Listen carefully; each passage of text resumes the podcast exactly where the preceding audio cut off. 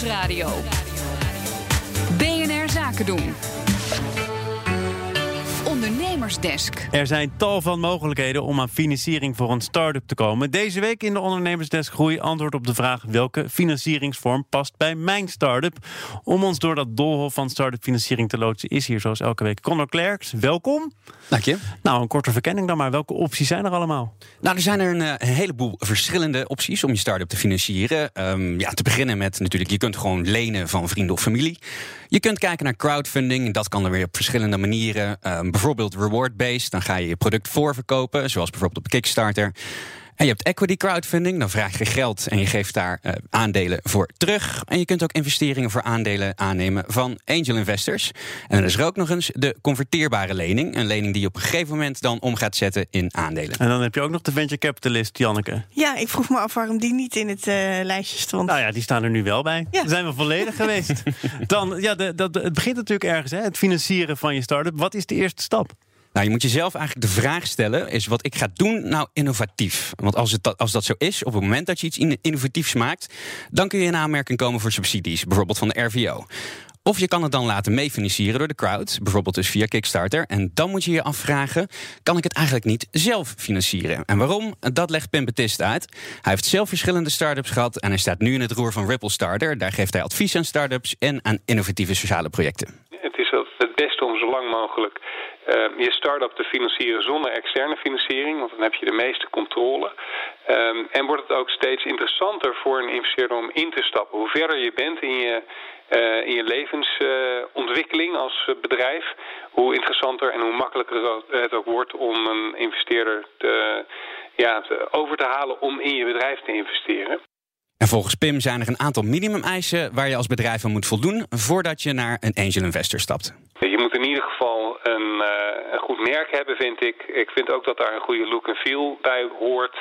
Um, een goede product-marktcombinatie. Je moet weten wie je doelgroep is en hoe je die gaat benaderen. Je moet een businessplan hebben. Um, als je dat soort zaken allemaal geregeld hebt, dan kan je de stap wel zetten richting uh, informal investors. Als je nou helder hebt voor jezelf hoeveel geld je nodig hebt, dat je het niet zelf kan en je voldoet aan de voorwaarden, dan moet je jezelf afvragen of je bereid bent om aandelen uit te geven. Ja, dat is natuurlijk ook een hele belangrijke vraag. Als je niet uh, bereid bent om aandelen uit te geven, dan wordt het lastig om informal investors uh, aan boord te halen. Um, het gebeurt wel dat er achtergestelde leningen gegeven worden, maar dat zal dan veel meer in de sferen zijn van vrienden en familie die dat doen. Um, maar een investeerder die wil echt een deel van jouw bedrijf hebben. En die wil dus daar dan ook zeggenschap over hebben, over dat deel van het bedrijf. En uh, die wil uh, dividend. Dus op het moment dat er winst gemaakt wordt, dat hij dan uh, dat deel wat hij heeft, dat hij dat in de vorm van dividend ook krijgt.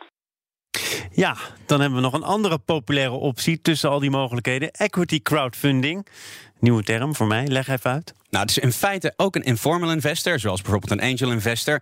Maar dan doe je het bij de crowd, via een platform zoals bijvoorbeeld Simbit. Je zet daar je project neer en een heleboel kleine investeerders kunnen dan meedoen voor een kleiner bedrag. En in ruil daarvoor krijgen ze aandelen of een converteerbare lening. De belangrijkste, zelf, de, de belangrijkste vraag die je zelf dan moet stellen voordat je daaraan begint, dat is de volgende. Is de fase waarin ik met mijn bedrijf ben wel goed om dat nu te doen? Uh, want je gaat wel echt met de billen bloot. Je, je laat gewoon uh, je hele bedrijfsplan zien. Je moet al je cijfers laten zien. Um, en dus ook echt het achterste van je tong als het gaat om je innovatie. Uh, waarbij het risico hebt dat de concurrent dat ziet en daar zijn voordeel mee doet. Ja, equity crowdfunding is dus geschikt als je product echt af is, als je al wat omzet hebt en als je een groeiplan hebt. En wanneer je het geld dan hebt, dan moet je ook snel kunnen groeien, zodat je de concurrentie voorblijft. Het is altijd goed om te weten wat je wel moet doen, misschien net zo belangrijk. Wat moet je vooral niet doen? Nou, met de komst van crowdfunding kwam ook het fenomeen crowdlending. En volgens Pim is dat een hele riskante optie. Omdat het in feite ongeveer hetzelfde is als een banklening. Alleen doe je dat dan van een hele grote groep uh, uh, beleggers. En wanneer het dan fout gaat, dan zul je ze toch echt terug moeten betalen. En dan kom je gewoon in de schuldsanering terecht. Want je bent hoofdelijk aansprakelijk. Uh, en ze komen het geld gewoon halen. Tja, dat is een kwestie van goed oppassen. Dus Janneke, heb jij nog een advies voor mensen die hun start-up proberen te financieren? Um, Nou, ik, ik denk dat voor crowdfunding is in ieder geval mijn ervaring dat een consumentenproduct het beste werkt. Omdat mensen het uh, goed moeten snappen en een goede feeling bij moeten hebben.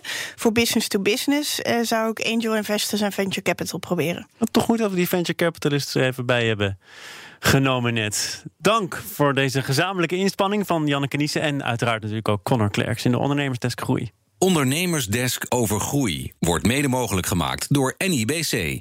NIBC, de bank voor ondernemende mensen. BNR Nieuwsradio.